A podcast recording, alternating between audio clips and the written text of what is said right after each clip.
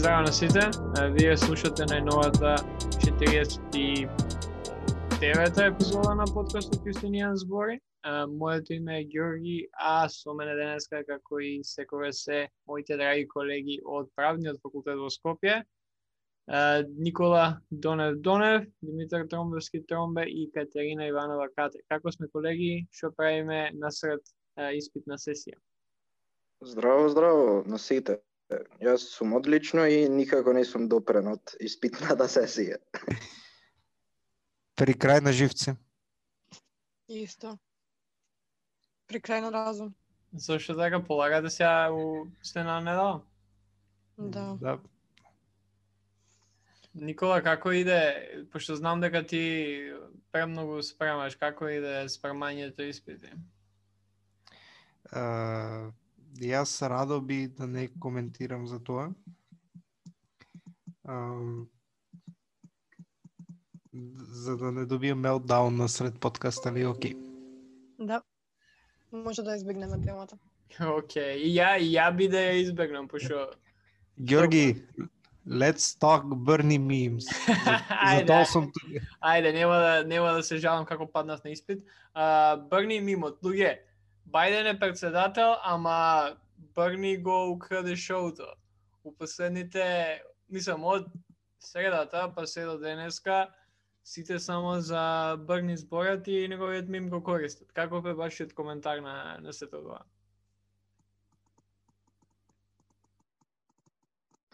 Јас мислам дека мимот е пресмешен. Само некои го, го користат, го злоупотребуваат мимот и ликот и делото на Брни како Амазон, пример. Тие најмалца треба да го користат барни, дури да се плашат од него. Да, ова со Амазон, а, значи го стаја, нивниот акаунт на Twitter го направи, одма AOC као funny meme, let's now let's uni unionize your workers. И урокот рокот саат време мислам дека твитот беше избришен. Прејака ситуација. Исто прочитав сега нешто дека наводно Брни продавал sweaters со мимот и 100% од сите продажби што ги направи донира во Foot on Wheels, мислам дека се викаше, Вермонт. Ми, ми, Meals on Meals Wheels, Wheels, во Вермонт така. програмата, да. Да, најком, најинтересно од цела приказна е што вчера прв пат тоа го направија и рокот 2-3 минути све беше продадено и денеска са бајлето по наше време пак исто направија 45 дена 45 долари беше као блузонот што продаваат одма као у рокот 5 до 10 минути све беше испродадено. Прејако. Онака баш го, го трола. Ако се сеќавате исто AOC направи пред неколку месеци као баш онака трола uh, ја, ја би рекол капитализмот го тролаат, ама окей. И, доста интересно. Цела ситуација. Неко, неко, мислам дефинитивно као Брни као јавно мислам иако искоментира, мислам дека на Сет Майер се искоментира во однос на ликот, ама беше као I was just there и, и со, со, јак, со јакнато од пред од мимот од пред три години, што е најинтересно. И на раквиците кои што му беа подарок од а, учителка во Вермонт.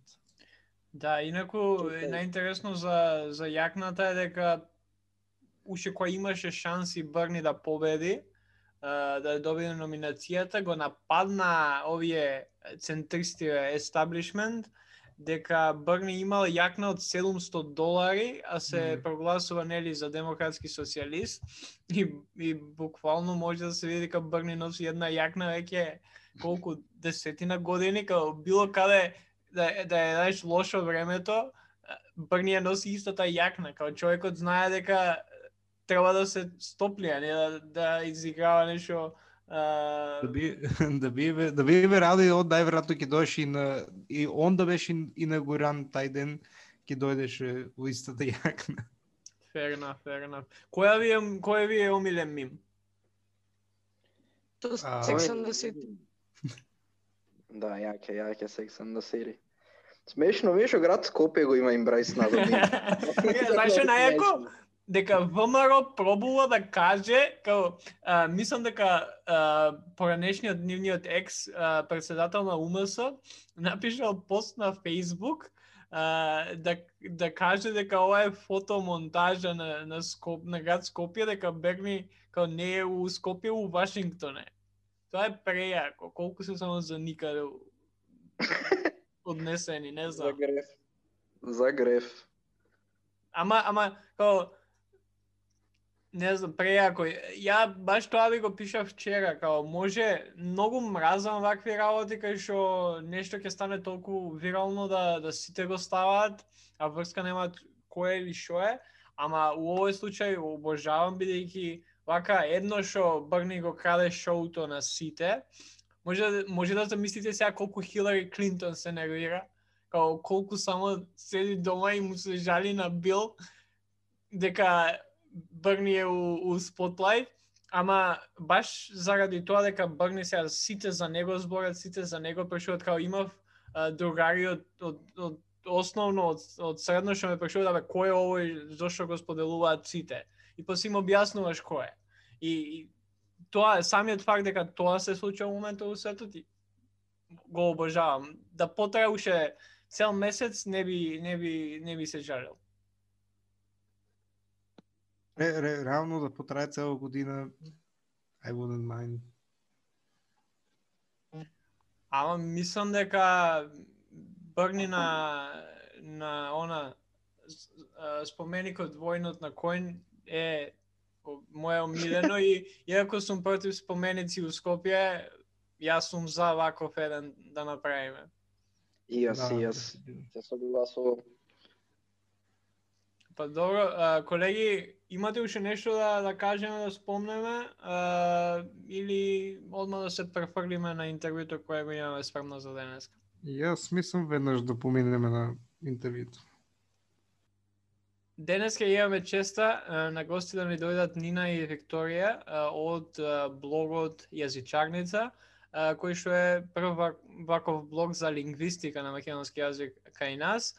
Со нив поразговаравме како со нив поразговаравме како за блогот, така и за македонскиот јазик, за за национализмот во македонскиот јазик, за пуризмот, за бейсбол малце јас спомнав и после Никола праша за Ноа Чомски, а, така што а, нема да должиме многу и веднаш се префрлуваме на интервјуто со Нина и Викторија.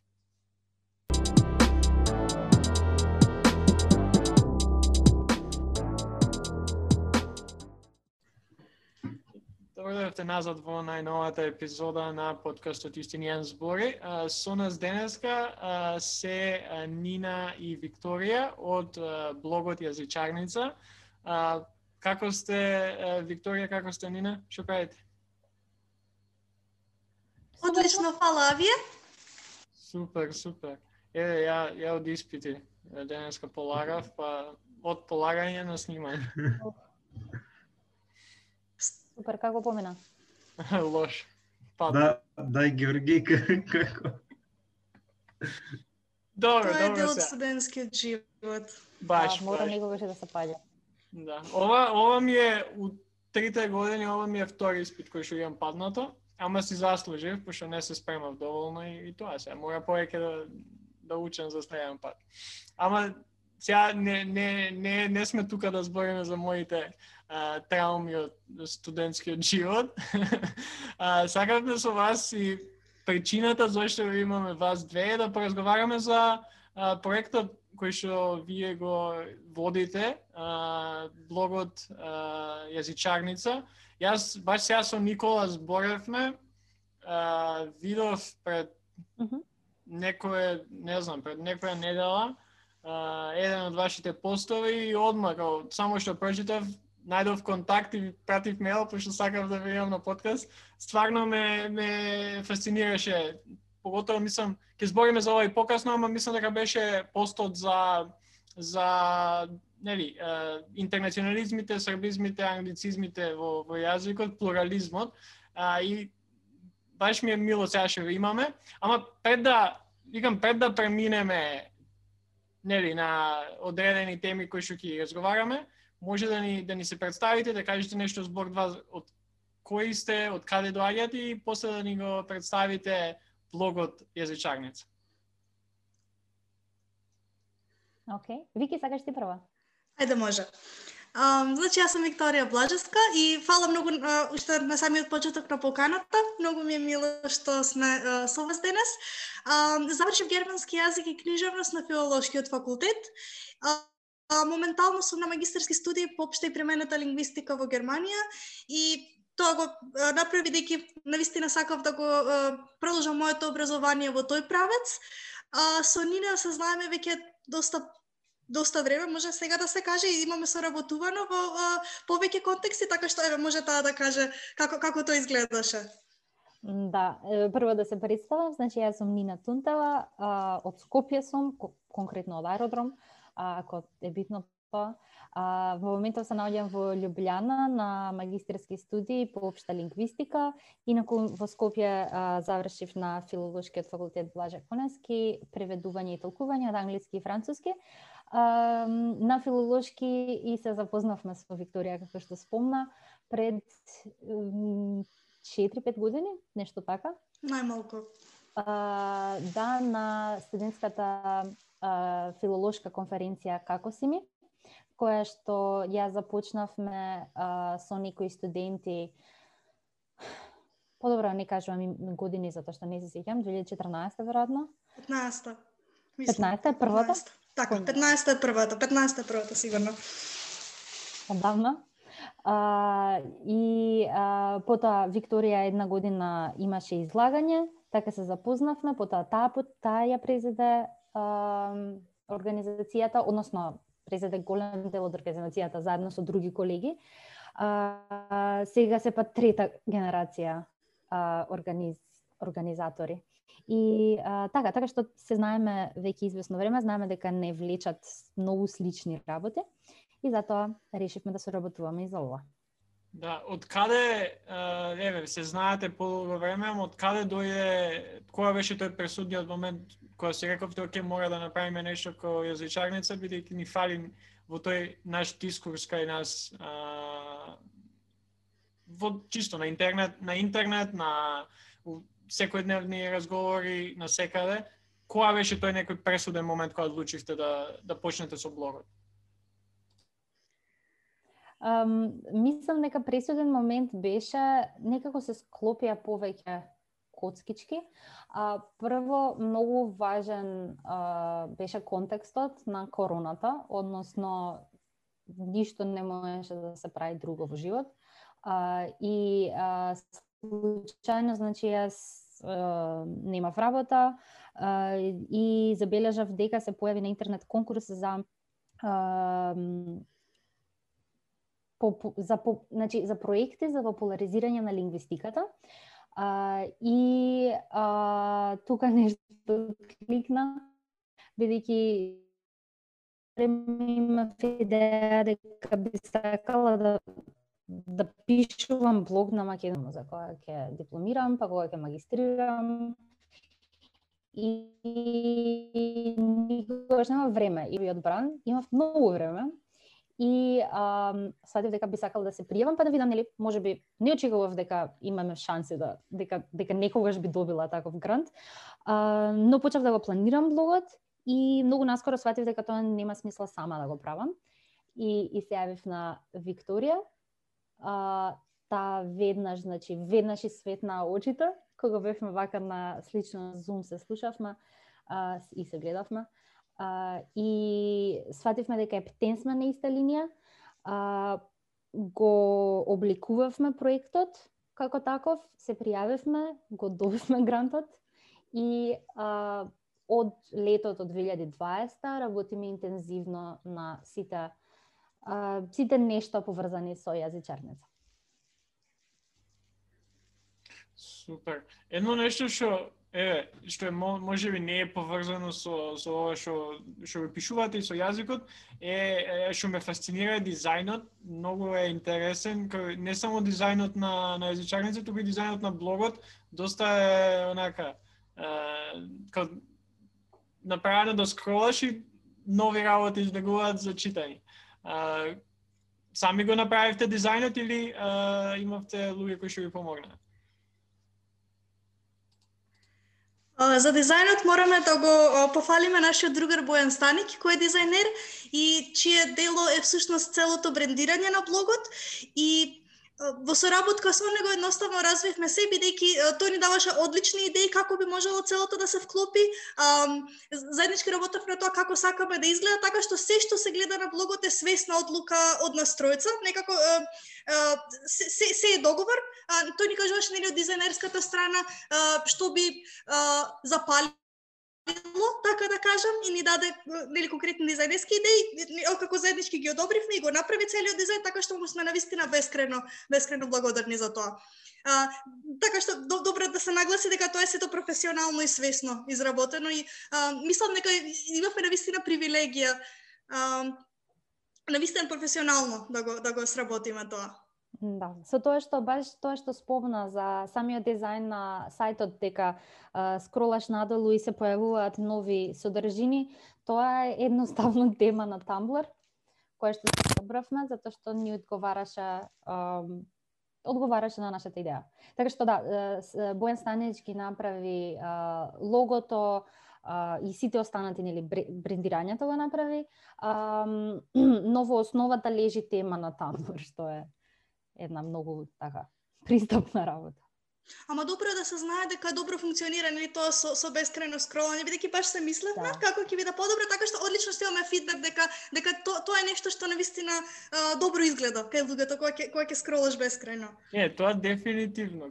А, Плюс дека а, и насловите кои ги имате на, на блоговите се онака малце провокативни и те те, те прават да, да, да кликнеш и да отвориш цел и да, да прочиташ или воопште да не, не можеш да кликаш, туку да продолжиш да читаш.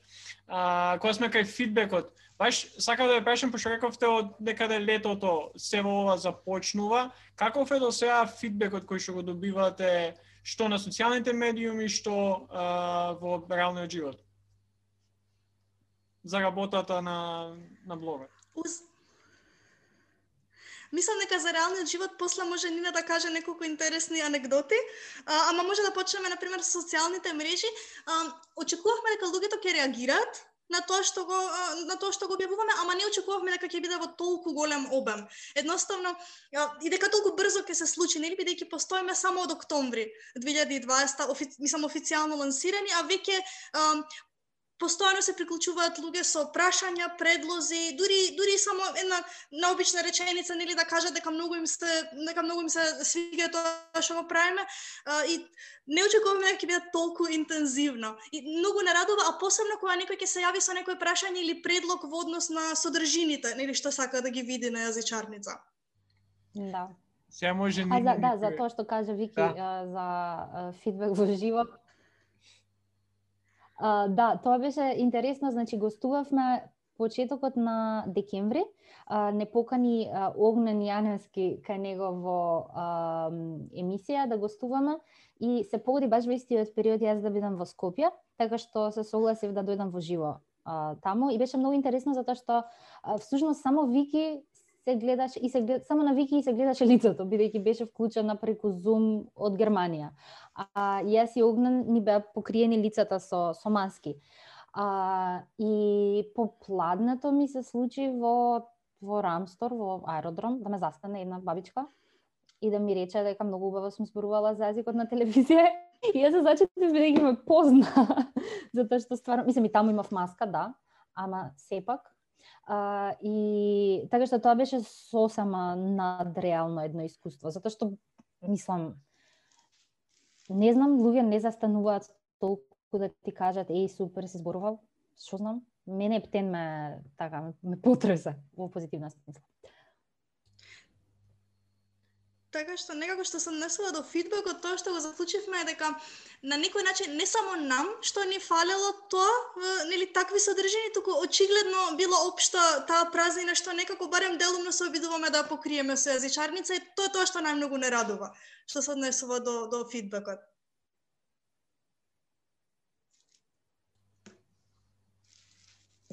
Да, а, јас јас овде би сакал да ве прашам кога дефинитивно повеќе за вашето искуство на филолошкиот факултет, као како што што е за вас филолошкиот факултет и зошто баш се одлучивте нели да го студирате она што го студирате, тоа е лингвистика? Um, Искрено да за мене најмногу филолошкиот факултет, мислам добро, сега во услови на во услови на пандемија е сигурно различно, ама за мене филолошкиот факултет се студенти што читаат на скали во ходник и потоа нели случајно не знам излегуваш од од предавање и наоѓаш некого што едно врзувате некој муабет одеднаш и случајно не знам што си читал, што си слушнал, не знам таа та динамика некако е за мене за мене филолошки истинска смисла. Многу убаво го кажам, мене тоа многу ми недостига, всушност. Um, затоа што, мислам, добро, сега во услови на пандемија уште повеќе, Um, ама да, филолошки се дефинитивно студент на филолошки. Um, инаку мислам од практични причини, um, Јас не знаев дека ме интересира лингвистика кога се запишав на филолошки. се запишав, бидејќи мислам знаев дека ме интересираат јазици и сакав да студирам ам, англиски, а, француски учев предходно во школа, не ми интересираше толку многу, ама видов дека постои варијанта да се учат паралелно и ми звучеше како нешто интересно. И дури понатаму во текот на студиите сватив дека тоа што што вистински ме интересира да се вика лингвистика и сватив што всушност е лингвистиката. И мислам ово го кажувам само затоа што всушност јазичарница, една од целите на јазичарница е да е, го скрати тој процес кај други млади луѓе, да не мора да чекаат до додека да наполнат 20 години за да сватат колку кул ствари се кријат зад лингвистиката. Бидејќи знаете, мислам, и самите можеби се сеќавате, ама во учебниците по македонски јазик во средно пишува дека лингвистика е, нау, наука за јазикот и бла бла бла и многу е суво некако, многу е абстрактно. Um, не те привлекува. Мислам, сосема разбирам дека луѓе може да не ги привлекува и понатаму, дури по нашите објаснувања. Ама а, многу лингвистиката се состои од толку многу различни работи и мислам дека вистински го сватив тоа многу многу доцна. А бидејќи во Скопје не може да се студира лингвистика, значи постојат само а, лингвистички предмети по различните јазици, постои предмет што се вика општа лингвистика, а, ама нема програма, нема студиска програма за лингвистика.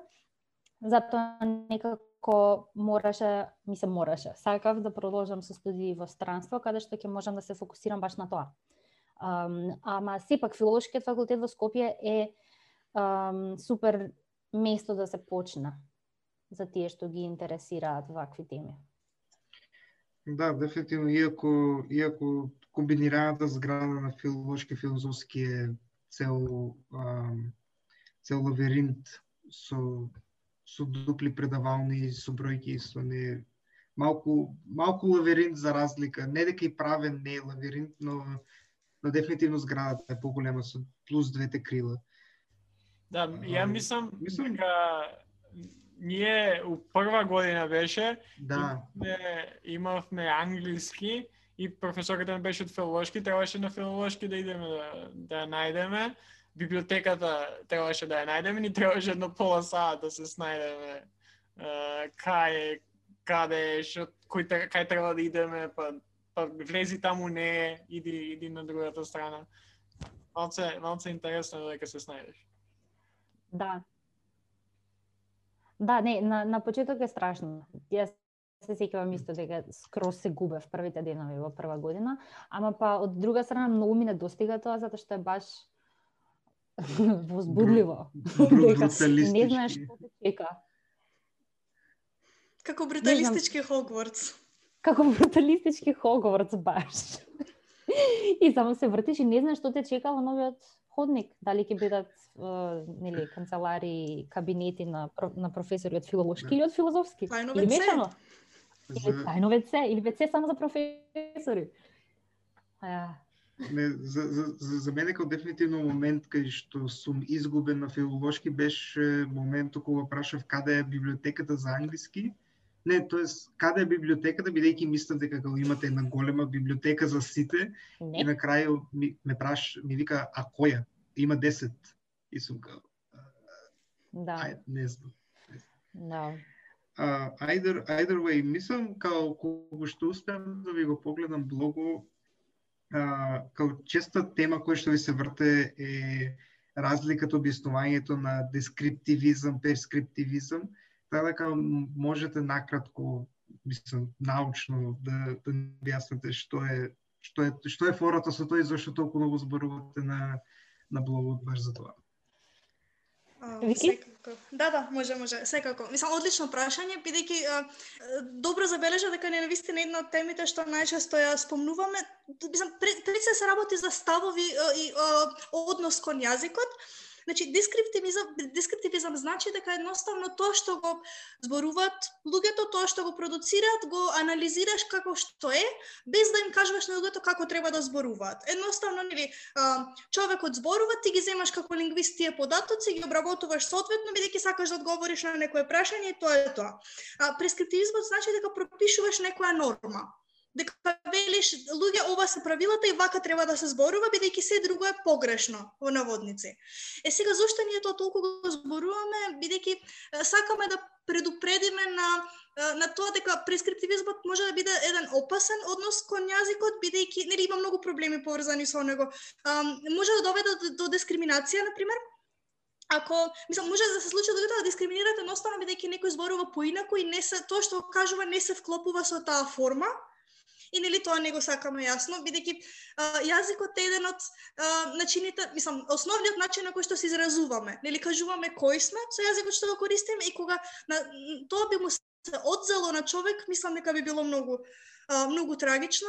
А, другата работа е што дури прескриптивизмот може да, да доведе до осиромашување на јазикот со тоа што не знам, ако некој почнува да развива поинаков начин за да се изрази и ти тоа го сечеш корен и му велиш, му велиш е не може така. И сметаме дека таквиот став е многу опасен, едноставно не им дозволува на луѓето да се изразуваат така како што сакаат. Така што ние, ако можам така да се изразам, проповедаме дескриптивизам, еден таков здрав однос кон јазикот, нели? Дека се што зборуваат луѓето е валидно И нели јасно, мислам тука постојат некои граници во поглед на тоа дека мора да знаеме во која ситуација, нели со каков јазик треба да настапиме, ама буквално ако седнеш со другари и се прави тоа опуштен муабет, никој не смее да ти суди за тоа како како го потребуваш јазикот. Не знам, Нина би додала нешто? Ѓорги, Ѓорги, ово да си го запишеме за евентуално ако не нападнато стил на дека го ругаме македонскиот јазик преку а, преку штипскиот, струмичкиот дијалект и англицизмите многу, многу што ги користиме. Јас би рекла дека не само што не го ругате, туку едноставно го покажувате во, секу, во сета негова разновидност. Така што, мислам, тоа е барем нашиот став. Да, да, да. Мислам дека тоа јас што би додала е дека ам, првиот, мислам, кога ќе кажеш дека си лингвист, значи во македонски услови да речеме, Макед... во Македонија, кога ќе кажеш дека си лингвист, луѓето а, предпоставуваат дека си строг кон употребата на јазикот, дека си еден вид grammar наци, дури, а, не можам се пишува одвоено, Да, окей, не можам се пишува одвоено по правопис, ама ако пишуваш споено, не си глуп. И а, мислам, стварно, за повторно, ако пишува, а, не знам, на МТВ, ако излезе вест и пишува не може споено, е проблематично затоа што МТВ е јавен сервис и треба да користи стандарден јазик, да ги упочитува сите правила на правописот и така натаму. Ама ако на Facebook напишам коментар на лична објава дека нешто не можам споено, значи big fucking deal.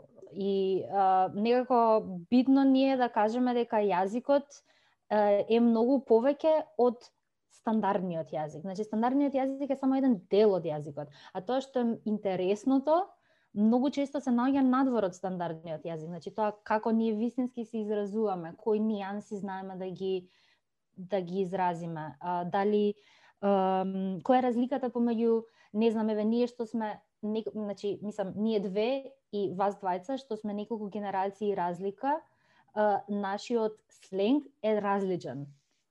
Значи во само неколку години а, има голема разлика во тоа како се зборува ете помеѓу студентите во Скопје. Тоа е многу фасцинантно. И како лингвисти нас тоа многу повеќе ни интересира отколку е сега ја ќе ти кажам дека тоа по правопис не е така. Добро смири се. Мислам, не, не, не тинина, туку тој што вели така, нели? Да. Ова ова може да поврзам со токму тој блогот кој ме е, она фасцинираше па да употребам зборот, да ви, да ви пишам, кога зборавте за е, насловот е јазичен мит, фала не е македонски збор, наводници, ова втората. И баш као од секојаш сум го мислел тоа, бидејќи сметам дека јазикот ако го чуваме, нели, само ако биат, окей, типи, као типично стандардни македонски зборови нема користење на други. Мора се да преведеме од дали тоа ќе бие англиски, дали тоа ќе бие српски, хрватски и само да биде македонски. Тоа од секогаш ме нервирало и затоа можеби кога почнувавме со истинијан збори бев као не сакам да биде онака типично литератур, насловот барем да не биде литературен, а изразувањето нели се не можеш 45 минути литературно да да да да, да разговараме, поготово кога 75% тоест никој не е од Велес, као о Велес нели нај таму Да, е Да, тоа ама баш сакам за ова да да да да поразговараме. Тој некој јазичен а, пуризам, вие кој што нарекувате.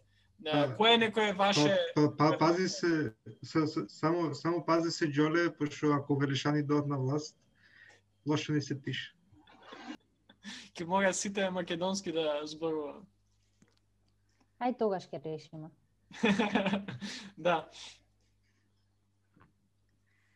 Um, да, за вака сега, значи тука е само многу битно, мислам дека е фино да нагласиме дека ние Мислам, Вики има тука многу паметна работа да кажа, дека грижата за јазикот Uh, не е дека ти треба секогаш да зборуваш стандардно и да внимаваш како се изразуваш, туку да внимаваш кога, како се изразуваш. Не знам дали би, би си го објаснила со своји зборови ова Вики. Баш така, не, супер го кажа. Да, тоа, нисам, тоа е нашиот заеднички став, дека не значи дека се грижам за јазикот ако а, цело време инсистирам на тоа да зборувам правилно и сега во наводници чисто, бидејќи такво нешто не постои, туку едноставно да знам како, како корисник на јазикот да ја проценам ситуацијата. Нели да знам кога имам на пример контакт со медиуми, не сум со некој јавен сервис, со некој институција каде што навистина треба недвосмислено да се каже така да ме разберат. А кога имам по нели по по а, неформален муабет да знам едноставно во секоја ситуација правилното ниво. Да го потребам и тоа правилното тука не во таа прескриптивистичка смисла, туку соодветно на ситуацијата, би Да, рекла. Да, да. Така што И токму тоа е грижата.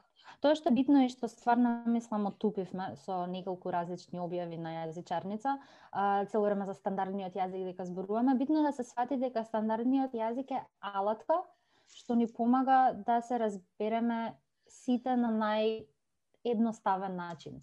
А, и а, нема ништо лошо, мислам, баш напротив, а, некој може на прв поглед, ако го погледне блогот, особено последните објави за а, пуризмот и прескриптивизмот, односно против пуризмот и прескриптивизмот, а, да си помисли дека ние го мразиме стандардниот јазик. А, воопшто не е така, само а, мислам дека особено кај младите луѓе се развива страшен отпор а, бидејќи толку многу ни се а, толку многу се инсистира на тоа што тоа тоа Ѓорги ти што кажа дека дека нека ме да биде литература насловот на мојот подкаст. значи од што од што сите секогаш само за тоа зборуваат и сакаш да покажеш отпор. И сега тоа што е фино е дека мислам зошто сакав да го кажам тоа Вики што го кажува. Битното е да се најде таа некоја ем, граница, односно да се најде е, нели точно точно каде ми треба. Значи ако сум на предавање на факултет и имаме дискусија со професорот или со асистентот, а, супер е ако можеш да зборуваш на стандарден јазик. Мислам, всушност најдобро би било. И идејата со а, задолжителното образование е дека секој образован човек го учи стандардниот јазик како алатка. Ама тоа не значи дека треба тоа да се прелева во сите ем, делови од животот, нели? На сите полиња. Ам, не знам, мислам дека мислам дека тоа многу битно тука. Таа граница. Да, и, и сосема се согласувам со тебе, као еве јас можам лично мој пример а, кога дојдов од Струмица, на, ја направив оваа свесно таа одлука да мора да знаеш, да се асимилирам на некој начин кај што ја ако се земам да, да, да говорам струмички, никој нема да може да ме разбере.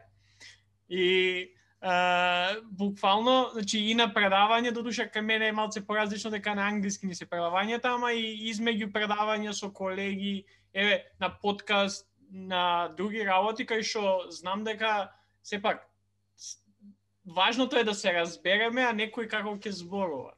А, додека па еве, ја, ја и Никола сега не знам, ќе излеземе, ќе прошетаме низ Скопје, он ќе збори штипски, ја може и струмички малце да да почнам да мешам, бидејќи нели, ја и он сме, не е проблем, ама ако сега вака јас Да. земам да да да мешам јазикот, тоест дијалект да на дијалект да почнам да изборувам, ќе биде комично, може ќе биде интересно, ама никој нема да може да не разбере се се што ќе каже.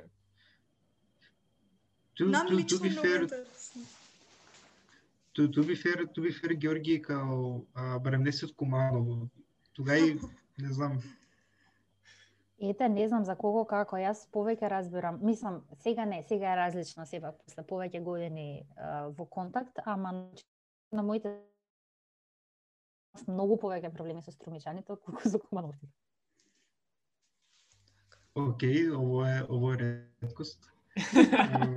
Не, ја имав, ја имав другар кој што од гостиларе дојде кај мене а, у Струмица и првото нешто што кажа мајка ми, другар ми беше како може да ми преведе што кажа, пошто не воопште ништо не разбра.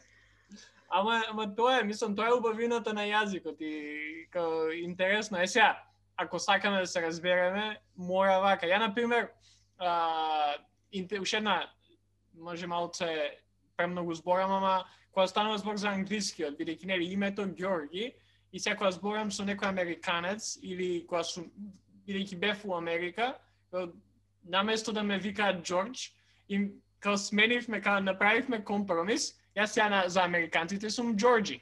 Пошто беше многу полесно они да го кажат тоа, него ли да се мачат, знаеш, ти се запознаеме и се цел разговор, они ќе се обидуваат како да ми го кажат името. Наместо тоа, као screw that, just call me Georgie. И, и као, тоа е некој, зна, затоа е и јазикот. Е сега, секојаш ќе убаво, нели, кога ќе слушаш у- убаво името некој да ти го каже, ама ако сакаме да се разбереме, мора некој компромис да се направи, мислам. Да, да, тоа е или, добар или, од твој, или, или од твој случај као правилно да ти го напишет. А, али сепак а, као другото прашање прашањето за дескриптивизмо и прескриптивизмо беше повеќе во насока на она нели наративо со кој нели ако ако земеме дека нацијата е градена од тај некој си наратив кој што се а, реплицира и репродуцира низ, а, низ јазичните форми што ги користиме, као кој е вашиот став, као, не знам дали е некаков поимово али као јазичен национализам, дека дека како ние мора да го бранеме нашиот јазик со тоа што нели исклучително ќе го користиме неговите зборови, а, нели како нашиот обид наместо нели наместо компјутер е пред некој пред не знам колку години имал обид да се стави сметало на место компјутер. како кој е вашиот став околу тоа? Тоа е поризот Тоа е пуризмот. Тоа е по- поим што дефинитивно постои. Мислам, а, тоа е фактички на некој начин јазикот во служба на идеологија. Така некако, мислам, најасно би го поставила. Кога, кога, кога станува збор за прашања што се да поврзани со јазикот, меѓутоа нели а, се на веќе веќе Значи, баш јазик во служба на идеологија, користиш, односно, кажуваш како треба да се користи јазикот за да служи на таа некоја идеологија дека, например, тука тука многу често настапува поимот чист, нели, и самото, мислам, и се наоѓа во самиот збор пуризам. Тоа е некој мит дека јазикот мора да не биде чист во наводници ако држиме до себе. А додека пак од лингвистичка гледна точка, баш чист, чистиот јазик, односно дека тоа дека јазик воопшто може да биде во наводници чист е, е мит самото по себе. Затоа што, мислам, во реалноста, нели, цело време, а, и тоа секогаш било така, сите луѓе се мешале, сите народи се мешали, така, така се мешале и јазиците. Доаѓало едноставно до позаемување на зборови, поредко на граматички конструкции, едноставно, тешко е дека може да се каже за некој јазик дека е навистина чист, повторно во наводници, во таа, во таа пуританска смисла. Така што и тука тука нели треба да се внимава дали дали се работи нели кога некој пропагира нешто такво, дали навистина тоа што го кажува е е основано на некој лингвистички наод или само само тера таа некоја своја националистичка идеологија преку преку јазикот. Не знам ако помислиме на 1984 на Орвел. Мислам тоа се екстреми секако, ама ам, ба- баш баш во таа насока одат одат тие муабети. Апсолутно да. А, да, Не знам Нина уште нешто дали Да, Нина, да имаш да- ама Да, а, да, ми- да мислам во овој контекст како би го врзал и прашањето со а, нели нашиот моментално сензитивен момент со споро со Бугарија, бидејќи мислам како имавте и пост како тие некои а, технички лингвистички разлики помеѓу нашиот стандарден јазик и бугарскиот, као кој е генерално вашиот став околу тоа? Као точно дека има нели као постојат големи разлики, но во поглед на јазикот као што што би ви рекле а, за за а, за Бугарија бидејќи имавме бидејќи ние секако правници, политиколози, као ние немаме ставови околу во чисти, а имавме симпозиум, јас лично не не сватив многу од симпозиум, иако имавме доста јаки експерти. А, па така да слушнеме и од ваша гледна точка. Мислам дека нашиот став е многу јасен и едноставен. Се работи за два различни јазика. Um, два јазика што се сродни, апсолутно, но науката покажала дека сепак може да се сметаат за различни јазици. И сега тука um, може би ќе биде интересно слушателите да го прегледаат нашиот uh, нашиот текст uh, со наслов Јазик или диалект, во кој пишувавме за тоа uh, за сите тие многу комплицирани критериуми според кои може да се каже дали не, да, дали нешто што се зборува е повеќе јазик или диалектика, која е кој е моментот кога преминува од диалект во јазик и така натаму. Ам, ама мислам нашиот став е прилично еднозначен. Тоа се два различни јазика и точка. Токму така. Мислам, може би ако сумираме, ако под, раскажеме нешто од, од таа објава, бидејќи интересно, а, најважен за нас е критериумот на само пределување на тие што го зборуваат јазикот. Едноставно, како со многу други прашања, нели, во светот, најдобро е да го праша, најдобро е да го прашаме тој што го зборува тој јазик. И сега бидејќи ние како заедница зборуваме еден јазик и сметаме дека е тој јазик, тогаш тој недвосмислено е јазик. Мислам, да да зборуваме за сите други нели научни лингвистички докази дека тоа е така. Да. Јас сакав Нина која ги спомна веќе диалектите и може како на дополнување на на на прашањето од Никола. А, баш ја ја прочитав и тоест ги видов по, поточно ги видов сликите на мислам на Facebook ми излегоа споделени она со мапата па 20 и колку кусок места како различно кажуваат а, мислам дека беа чинија, девојче и бакнува, така? Така. Нешто, ај може нешто поеќе околу целиот кој цело целиот тој блог, а исто така после тоа може и онака убаво да ни објасните за диалектика што што треба е јас кој што нема пратено, тоеш нема следено доволно на часови по македонски јазик, а, кога, кога се учело за тоа, па да ни кажете нешто повеќе за диалектите, а, што треба е за еден диалект да да биде диалект. Ама прво може за за блогот, а после тоа за за прашање. Да почнем јас? Може, може. А, да, значи тоа со тоа со диалектите беше а, а, всушност многу еден од нашите први такви поголеми проекти, а, интерактивни, да речам. А, сакавме да ги вклучиме нашите читатели и преку пример да покажеме а, колку се важни и зошто се важни диалектите.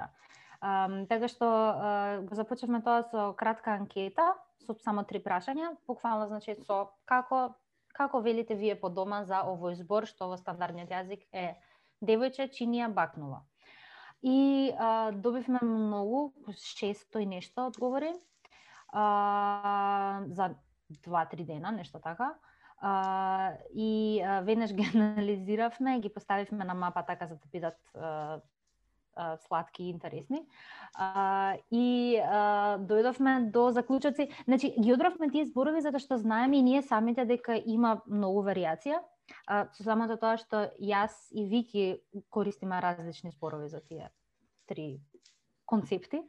А, и а, така интересно беше дека од една страна видовме дека многу им значеше на луѓето дека ги слушаме, дека го уважуваме тоа што ни го кажале. Се појавија многу многу приказни и податоци поврзани со некои веќе застарени зборови што не се случуваат. Ни пишува луѓе, е, баба ми викаше вака од тоа и тоа село. Мислам фантастични некои податоци стварно а, ние ни едната ни другата не сме а, мислам не се занимаваме со диалектологија, ама ова ни е интересно како нешто што е општо интересно за еден јазик. И тие разликите во лексиката, значи во во речничкиот фонд се најочигледни. И сакавме тоа да го прикажеме, некако најсликовито и од тоа излегуваат тие три мапи. Баш така. А, не знам, може би понатаму ако ако продолжам или ако одам во а, детали, по, многу сакавме да го прикажеме тоа дека на некој начин нели диалектите се она што е многу автентично во јазикот бидејќи Всушност, велиме мајчин јазик, ама може би било дури поточно да велиме мајчин диалект, затоа што едноставно не можеш да го немаш. Сите, се, сите сме се родиле некаде, нели? На, на, некое, на некое географско подрачје сме имале а, родители што исто го зборувале, нели? Тој, тој диалект е едноставно... Или различни диалекти. Ама Или пак ние разбираме еден. Всушност во лингвистиката се зборува за, мислам добро, тоа подетално, ама постои термин uh, идиолект што се однесува на јазикот на една конкретна индивидуа. И тоа е многу интересно да се гледа, еве на пример Ѓорги што е од Струмица, ама не зборува струмички сега со нас и можеме баш да видиме кои се тие елементите ако се анализира, мислам, може да биде лингвистичко истражување на еден одреден човек, Ѓорги, да земеме сега да го анализираме јазикот што го користи, во кои ситуации, како и така натаму. И тоа е супер едноставно е највозбудливо, баш баш кога луѓето зборуваат на диалект или не, мислам нели тука а, не може да се да се постави точна граница, имаме нели разговорен јазик, имаме диалекти всушност на ниво на индивидуа, како што кажа Нина, имаме и диалект и од тука презагуваат тие некои најоригинални информации што ги има лингвистот. Бидејќи нели кога ќе седнам јас во некој во некој неформален контекст и ќе зборувам со некој, тоа се потоците на тој мислам на тој јазик еве да кажеме ни ги дава тие тие информации и затоа се за нас непроценлив извор на на тоа како се менува јазикот на пример најдобро може да се види преку диалектите на некој начин бидејќи секогаш нели стандардот е малку поригиден, му треба малку повеќе време да ги нормира консумира сите тие работи, ама највозбудливите работи се случуваат токму во диалектите. И некако може би со тој проект сакавме од една страна или да допреме до читателите, да видиме кој не чита, како не чита, зошто не чита и а, не им кажеме тоа како што кажа Нина дека ги слушаме, ама и да слушнеме а, односно поточно да покажеме колку е важно тоа, да се негува таа разновидност. Да. Мора Мора да признам дека, нели, сите сме имале од прво до од прво деление до четврта година македонски, ама ова ми е најинтересно некојаш кога сум зборал за јазикот, буквално од сите овие години. А, дефинитивно, начинот на кој што представувате е доста интересен и ме као, ми дава некои идеи што би можел еве да да одам се и после разговорот да да го изгуглам да да видам што како а, зошто. А, сега едно прашање кое што ми, ми, ми текна, ми дојде на памет, а, кога разговараме за зборови. А, ш, еве, сега мене ми текнува некој збор што не постои, ама сакам да го направам да постои. Што што треба ја да направам за тој збор или само само треба да да убедам луѓе да го користат?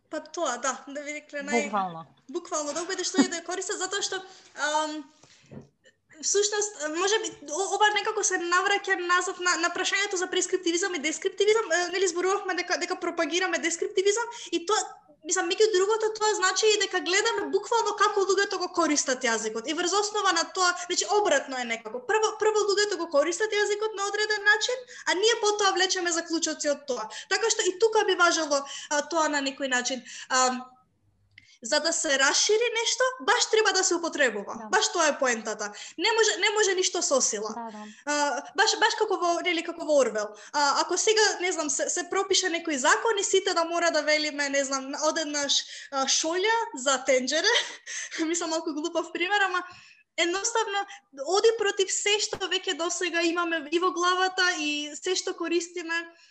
Um, то, тоа е уште една од нашите максими, ако можам така да се изразам, дека јазикот е многу нераскинливо поврзан со човекот.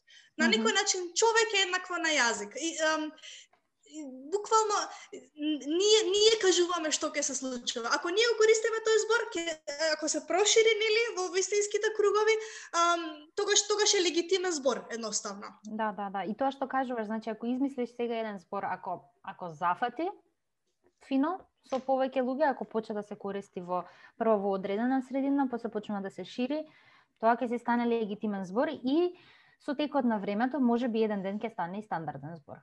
Значи буквално така функционира. И многу е интересно еве Вики кажа, кажа пример за е, Орвел, ама не знам дали сте знаеле дека зборот кафуле на пример е неологизам.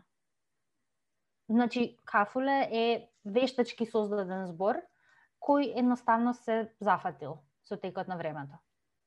Мислам, создаден во, не знам, 60-тите, нешто така, ама нема врска, бидејќи денеска ние не го чувствуваме како нешто што е наметнато.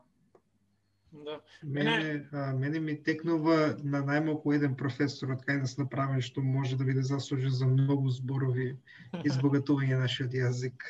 Не, пред, пред Никола да поставиш едно прашање, сакав, а, пошто ова моментално ми е една од а, дилемите кои ги имам, а, бидејќи освен ели подкастот, имаме и бейсбол екипа која што е една единствена у Македонија и сега кога разговараме за бейсбол, разговараме на англиски. Бидејќи кога ќе пробам ја да зборувам за бейсбол, да, да кажам некои термини, ш, било што, многу така глупо звучи, некојаш не можам ни да си го представам тој збор што е на англиски на, на македонски, пошто едноставно не одговара. И сега имам идеја да земам да напишам, пошто реално никој освен нас не игра бейсбол во државата, ќе земам ќе напишам речник само за бейсбол, македонски на англиски и е, мислам дека би било тоа целиот тој процес доста интересен бидејќи на крај на денот ако ние као прва бейсбол екипа у Македонија речеме, окей, ова вака ќе го викаме и така ќе биде, као реално, пошто кој друг игра бейсбол во државата. Тоа е тоа е доста интересно сега кога баш разговараме Со- за создавањето на зборови. Со тоа што јас тука би, би кажала, не мора да значи дека ако се напише речникот, дека така ќе биде вистински. А, постојат многу работи што не се користат, што се Не, не. напишани и пропишани. А, мислам, чи, чисто, чисто вака heads up. А, не, не, не треба сам, не е само да го напишеш речникот и готово ќе се користи. Ама прв чекор би бил баш тоа. Да. Да, да. Па Мислам, баш не знам дали баш, сте запознаени, баш ако ве интересира, мислам... Аха. Не, сакам да кажам баш затоа како ако ги има некаде полесно и нас ќе ни биде да да почнеме да да користиме македонскиот збор или тој ние што кој што ни текнало така да го викаме, а, отколку да, знаеш, полесно, како с- полесно, ајде, на англиски ќе збориме, нема што да, да се објаснуваме на македонски. Што дефинитивно, Мгм. ако, ако е таму, Да, да, да. поголема шанса има да се користи. Да, да, да, мора некој да почне да го користи за да за да постои, да почна да постои. Сакав да кажам, пошто многу интересно за терминологијата конкретно, дека за бейсбол не се зборува на македонски. Um, не знам дали сте запознаени, дали следите, мислам, македонска книжевност и така натаму, ама um, пред неколку години uh, излезе uh, понов превод на а, Моби Дик. Не знам дали имате чуено. А, и а, значи преведувачот а, од англиски на македонски, Огнен Чемерски, а, кој за жал а, почина. А, но а, тоа беше негово животно дело да го преведе а, Моби Дик на македонски со соодветна поморска техни, терминологија, иако Македонија нема море. Мислам, тоа еве. Денешната република нема море. Сега да не да не се фаќаат луѓе тука за зборови. А, Да, да. Не му се секира и однака никој не не слуша до сега. Као веќе поминавме десетината минути кои што некој не слуша. А, е па супер. А, не, интересен, а, многу интересно, мислам, мене ми беше многу интересно затоа што тој, мислам, буквално Чемерски ам, баш му беше животна, животен проект. И е, целиот тој процес на изнаоѓање на различните термини, буквално, значи, имаше направено како речник, а, и за секој збор од каде дошол. Значи, со наоѓање на а, зборови со словенски корени, со наоѓање на зборови што се користат во Охрид и Преспа, значи не се баш поврзани со море, ама се сепак поврзани со некаква опрема за во вода, а, за, за риболов и така натаму. И а, успеа човекот да го направи невозможното, а, и сето тоа да звучи многу интересно. Сега, тука има дополнителна една книжевна вредност, затоа што um, оригинал, мислам, книгата оригинална на англиски е таква што е многу, со многу китнест јазик, баш намерно, а, и таков и преводот, така што може би не е најупотребливо тоа што, мислам, тие термини, ама факт е дека сега постојат. И тоа е, а, например, една од улогите на преведувачите, што би требало да ја има, значи храбро да изнаоѓаат решенија за тие работи што ги немаме. Баш така. И некако потоа да се најде начин, идеално, тие да почнат да се употребуваат. Например, Да. тоа сакав и преска да го кажам, со, со везбол конкретно интересно, бидејќи баш, баш во овој пример се гледа колку ам, јазикот е поврзан со реалноста. Нели, ако не сме го играле спортот на нели во Македонија, логично е да ги немаме тие зборови и сега ако почне да се игра и одеднаш нели стана стане актуелно, логично е дека ќе ни требаат ќе ни требаат тие термини и буквално верувајте така за се. се едноставно се што е поврзано со реалноста. А, Да. Јазикот отсликува дали тие луѓе што го зборуваат тој јазик некогаш се интересирале. Дали дали се работи за предмет, за појава, спорт, јадење, Граматичка исто- категорија. граматичка категорија. Тоа се мислам далеку нели пофилозофски Да, работи, да. ама 100% валидни, мислам. Некако се задржуваме најмногу на зборовите, мислам дека најочигледно тука се гледаат тие промени. Ама дефинитивно добро викаш, мислам, едно, апсол- апсолутно на сите нивоа се гледа тоа. Да. А, не знам, интересно, например, со, е, пошто дури на гласовно ниво, ми текна сега на тоа Ж, што не поставило во англискиот, додека не, не, немало потреба се пополни празнината, као во Мгм. гараж Наспроти garage, така што дури не знам звук, а, некој некој глас, ако ако се најде потреба од него во јазикот, ќе си го надополнат тоа тоа говорителите. Да не зборуваме за зборови. Дефинитивно. Да, ап- апсолутно ми- ми- мислам дека како и преведувачите се и така како важни, барем мислам како генерално за за јазиком општо барем сега бидејќи имаме мислам како релативно мала преведувачка дејност, барем квалитетна. А, Мгм. да не да не збориме за масовната преведувачка дејност, али како и да е. А, бидејќи Георги праша за а, за бейсбол, јас во во мојот стил морам да прашам за а, за науката. А, и тоа за специфично за Чомски, бидејќи ние, барем јас, а, го знаеме Чомски како а, како еден врвен политички како една врвна политичка фигура, политички филозоф, но кој е Чомски во светот на лингвистиката, затоа што тоа му е примарна сушност дејност а, кога почнува. Одлично прашање. Да, тука сам, мислам, пред, сакам да го препуштам прашањето на Нина, бидејќи повеќе знае за генеративна граматика од мене, ама сакам само да кажам, тоа е интересно што кажа, тоа му било примарно денес, бидејќи кога човек гледа тоа што го прави и кажува и пишува денес, тешко може да се препознае дека е лингвист. Ама Да, во секој случај. ама така почнал. Всушност Така почнал почнал, со да. математика, мислам. Да, Чомски, а, дедо Чомски е особено важна фигура во лингвистиката. А, интересно е дека а, неговата школа, а, што се нарекува генеративна граматика, а, мислам така најопшто се се нарекува генеративна граматика, не е многу популарна во Македонија и воопшто не на мислам има професори еве на филолошкиот факултет Блаже Коневски во Скопје има професори што може би работат со генеративна, ама не има главна главна насока. Мислам ова само го кажам бидејќи во лингвистиката постојат различни школи и теории по кои што може човек да се води.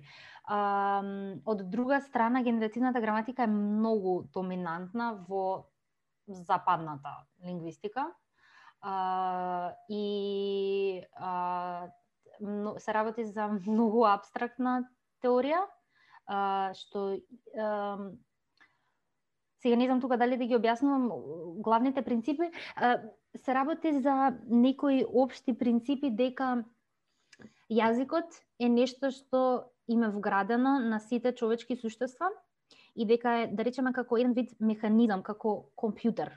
Како што а, компјутерот, по, иначе мислам компјутерот, како што во програмските јазици постои синтакса која што има одредени правила и ти можеш што сакаш да ставиш во таа синтакса, така во човечките јазици постои синтакса што е универзална за сите јазици. И а, потоа од тоа кој јазик ќе му се зборува на бебето, кој јазик ќе го а, ќе го прими како прв, ќе му се наместат тие параметрите во а, синтаксата и ќе може да го полни со да речеме лексика од тој јазик што му се зборува, од мечиниот јазик и така така излегува на површина. Значи, многу е а, многу интересна тема. А, за многу луѓе е нешто што е апсолутна вистина, значи луѓе се крстат во ова. А, за многу луѓе е нешто што не е баш докажано, има има различни докази што, мислам докази, јазици што докажуваат дека не функционираат правилата на генеративната граматика кај нив. А, така што тоа е нешто што е во секој случај во тек, не е ништо одлучено дека аха, еве, ова е дефинитивниот ова, ова е одговорот на прашањето како функционираат јазиците, ама е еден а, можен пристап. И ам, така, интересно е.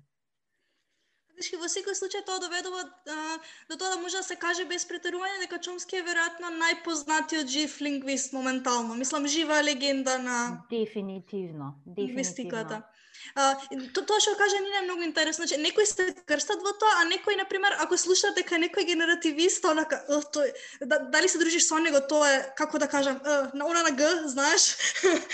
Да, да, да, има во нашите кругови има такви. Да, не, а, и, и, искрено не ме чуде дека као филолог, нашиот филолошки факултет не е толку насочен кон тоа, бидејќи воглавно нашиот кампус не е насочен кон оние баш најабстрактните и најкритичните делови на, на собствените науки, вклучително и правниот факултет, за, за жал. Барем за мене. Да, не знам дали е до кампусот, иако тоа е добра теорија. а, да, не, не, не, не, не, до, не до кампусот и брутализму, баш напротив, туку као генерално луѓето се Така, така, да. из, изникнати од тие школи стари некои на Да, како кај нас се оние школите на позитивизма и легализмот. Така, да, кај нас, значи, лингви, мислам, лингвистите на а, филолошкиот факултет се повеќе од а, школата на структурализмот. А, не знам дали имате, а, дали сте чула за Десосир. Добро, тој лингвист. а, нема сега за сосир да спорувам, ама тоа е, мислам, тоа е другата страна и многу повеќе се оди а, во многу повеќе се тие а, водите на на филолошкиот во Скопје. Што си е, мислам, се е легитимно. Само интересно е, мислам, мене ми беше многу интересно а, што кога дојдов тука во Љубљана, ми се отворија тие сосема нови едни хоризонти, као чека малце, не може само на тој начин. Има и други школи и а, Да, тоа фино е да знаеш То- то- што се постои. то, то, то, тоа ми беше следното прашање всушност како која е таа а, теориска разлика меѓу меѓу меѓу филолошки факултет овде и таму каде што студирате ви Лјубљана, Германија. Ете ќе почнам јас. Мислам, ам, прво морам да кажам дека секојаш тоа што се учи во поглед на таа теориска рамка најмногу зависи од професорите. Мислам дека веќе го начнавме тоа. Буквално едноставно како што учел професорот, така ќе ги учи понатаму и своите студенти и а, мислам и кај мене е доста структуралистичко би рекла, когнитивно. Тие две некако ми само последно време многу когнитивно што мене ме радува лично бидејќи ги сакам тие ствари мислам конструкциите што се нели то, то, тоа повеќе се несува на тоа како ги доживуваме е, конструкциите е, што се дел од јазикот во мозокот и како ги интерпретираме. А, многу е многу исто зависи од програмата на факултетот, на пример, Јас имам таа среќа да имам таква програма каде што можам да избирам самата предмети и да, да си го креирам, да се креирам програмата само во врз основа на тоа што ме интересира. И нели um, повеќе повеќе кај мене барем се разделени во области. Например, не знам, um, што кое ниво повеќе те интересира. Например, има професори што повеќе се занимаваат со фонетика и можеш да да слушаш курсови кај нив ако те интересира. Um, значи, буквално би рекла се зависи од професорот. Uh, например, um, мојата шефица на факултет, бидејќи истовремено и работам како ам, асистент за истражување, мојата шефица многу се занимава со а, различни а, вид, мислам, различни варијанти на англиски што се зборуваат ни светот и некако бидејќи таа не- мислам таа е толку важна личност на катедрата некако повеќето проекти што се одвиваат одат во тој правец. Така што тоа би рекла, многу многу зависи, многу зависи од професорот, ама имам среќа што кај мене е малку по по когнитивно, некако повеќе дава слобода за за нови теории. Мислам буквално дури ако дојде студент со со нешто што читал, ќе биде прифатан. Мислам ќе ќе биде као еј ти напиши истражи тоа што мислиш, па ќе го видиме заедно. Мислам од секогаш било многу многу отворено. Од секојаш било, како зборам како да сум цел, од како постои факултетот да сум била тука. Ама не, во моето искуство на сек- секојаш било многу отворено. Од времето на Рентген. Да, е. А, да, господинот Рентген бил а, на истиот универзитет како Вики. Затоа смешката. А, да, овде во Љубљана, конкретно на мојот факултет, значи тоа е филозофскиот факултет на Универзитетот во Љубљана, мојата катедра е прилично генеративистичка, тоа е катедрата за општа и компаративна лингвистика, но од друга страна другите јазични катедри не се толку. И исто на сличен начин може да се направи, може човек да комбинира, да избере изборни предмети и да да види што му одговара. Иако пак не би рекла дека предпоставувам дека не се толку ам, строги дека предпоставувам дека моите професори ако ако дојдам со нешто со нова теорија а, како би изгледало ова ако го истражувам дека не би ме осудиле. Ама многу од работите од генеративната граматика се земаат како како точни. Да, и е, мислам дека сега веќе можеме да да превршиме овде некаде разговорот и со, со што би се вратиле на она што зборивме уште на почетокот, а, тоа е блогот. Какви се вашите планови за 2021? Дали имате нешто ново кое што едва чекате да го направите или а, ќе продолжите со исто темпо, па ако излезе нешто може и да направите?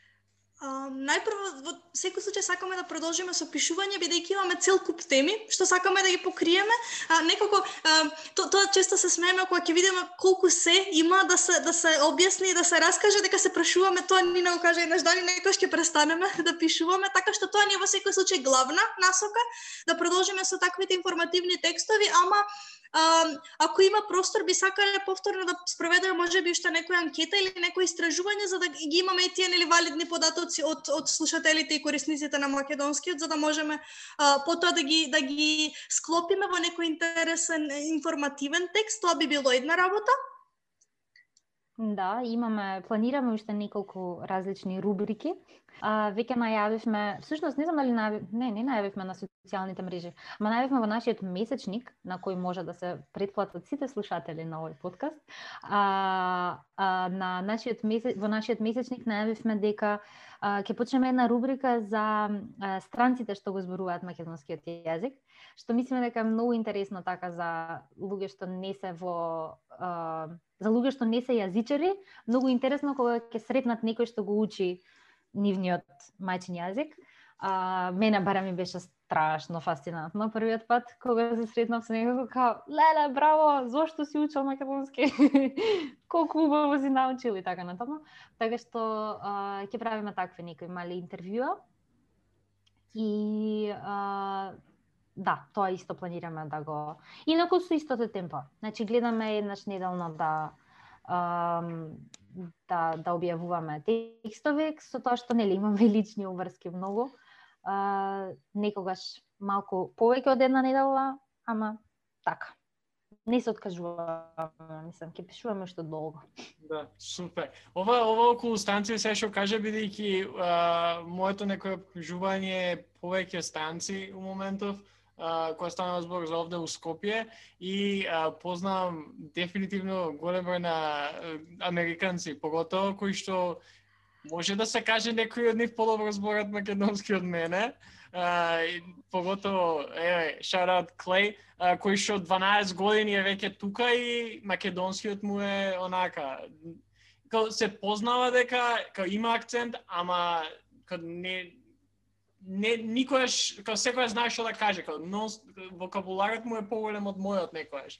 А, и дефинитивно е доста да. фасцинантно а, која самиот како до душа ја повеќе сакам со нив на англиски да зборам, пошто меѓупа англискиот ми е навежбан и бидејќи на факултет го зборам и пишувам и нели ред други работи и малце доаѓаме у конфликт кај што он ќе ми збори мене македонски, а ја на англиски ќе му враќам. Обратно. Така, така. Тој сака да вежба? Па немаше да вежба. предавник, предавник на државата.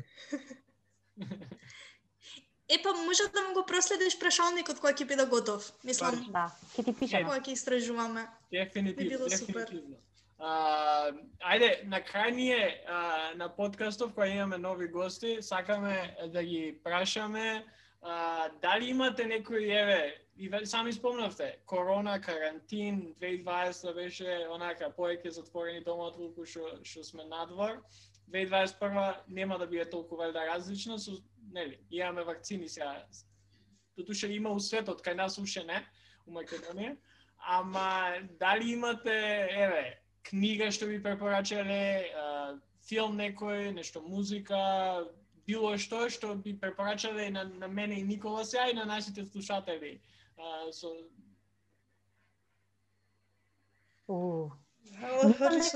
Мислам дека, типичен лингвистички предлог за филм е Arrival. Да, дефинитивно, дефинитивно. Сте го гледале? Мислам дека По, да. по некој чудо јас да. По некој чудо јас го имам. Да, да, да, го имам гледано. Супер филм. Со Еми Адамс, така? Добро. Да, тоа тоа беше со Еми Адамс, да, да. Да. За нас беше многу возбудливо, пошто како прв, мислам, добро, не баш прв пат, ама прв пат толку мейнстрим видовме главен лик лингвист и си онака, да. Просто беше our time to shine. ја ваква, јас ова во правам. Со Еве сум јас за не знам Да. години. порано или подоцна, зависи од вонземјаните. Um, ќе да, не знам што би препорачале. Не се спремивме за ова. Па, па Не се затоа ја спремив ви- за ова, мора не да ви- Не ви пошто сакаме онака искрени да бидете кога ни препорачувате, а не да се спремате со препораки. Um, еве, например, јас многу сакам научна фантастика. А, не знам дали сте читале нешто од Фредерик Пол. Е, Например, Gateway. А, има, тоа е многу јака книга, има, мислам, цело проложение кој има повеќе цел серијал, ама и постара, како класична научна фантастика. Концептот е дека во иднината измислена, не измислена, туку um, луѓето наоѓаат технологија од вонземјани, која што може да ги катапултира во вселената на некое на некоја рандом дестинација, самите не знаат каде, мислам буквално пред предпрограмирано е и кога ги влезеш во машината едноставно те носи таму и не знаеш буквално дали ќе умреш таму или дали ќе те однесе на некое подобро место. И тоа е тоа е концептот. Нема да откривам повеќе, ама мислам дека е страшно возбудливо. Така што ако имате прилика, од, од срце ја препорачувам. Најс. А, јас а, поголем дел од карантинот го поминав во гледање серии. А, добро, мислам, освен блогирање. Може да се А, нега, дефинитивно. А, да, јас би ја препорачала, мислам, чисто као нешто што мислам дека не ја гледаат толку луѓе колку што треба да ја гледаат, а, а стана попопуларна лани во секој случај, Community. Многу ја многу ја препорачувам. Да. Ја, ја ова, I'll, I'll second. Ето, да. Не знам, тоа значи присмешно. Никола ќе кажеше нешто или? А, за community ја знам дека и мене ми излавано suggested едно време, али како како доследен студент по право немам време. Значи Никола, Никола, преска зборевме. The Office прво, после Community, па после Parks and Recreation. И после тоа ќе видиш што ќе ти Значи, вие. А Никола Значи, вика Георги- испит, па испит, па испит. Затоа, затоа ја паднав Значи- денеска на испита, Никола ќе положи следната недела. За, значи Георги се се се убаво, али наука е наука. Добро. А, е па, добро, ај со ова може да завршиме а, онака типично а, Никола а, way of finishing. А, фала ви стварно многу ја уживав во разговорот. А, ретко кога вака уживам а, со гости, не дека пак ќе кажам, никој нема да ослуша, затоа може што сакам сега да кажам. Ама а, фала ви уште еднаш, се надеваме дека пак ќе ни дојдете, па здравје Боже може и уживо кога ќе бидете у Скопје нешто да направиме. А, да, на оние што не слушаат, само би препорачал да идат и да ве најдат, дали тоа ќе биде на Facebook, на Instagram, видов дека и Twitter имате, на веб страната. А, Да. Оставајте коментари, споделувајте а, и а, зборувајте македонски, мислам. Тоа е прило- природно да се каже. Да. И не се секирајте ако збор, зборвате или зборите, се е окей. Да, да. говор- Може и, и, и ние од Струмица да говориме. Може и вие да говорите. Да думаме. Може да да думате. думате. Сите сите глаголи се. Може да лафите. Да, да, да. Може да лафите. Да. Океј. А, Поздрав и се слушаме.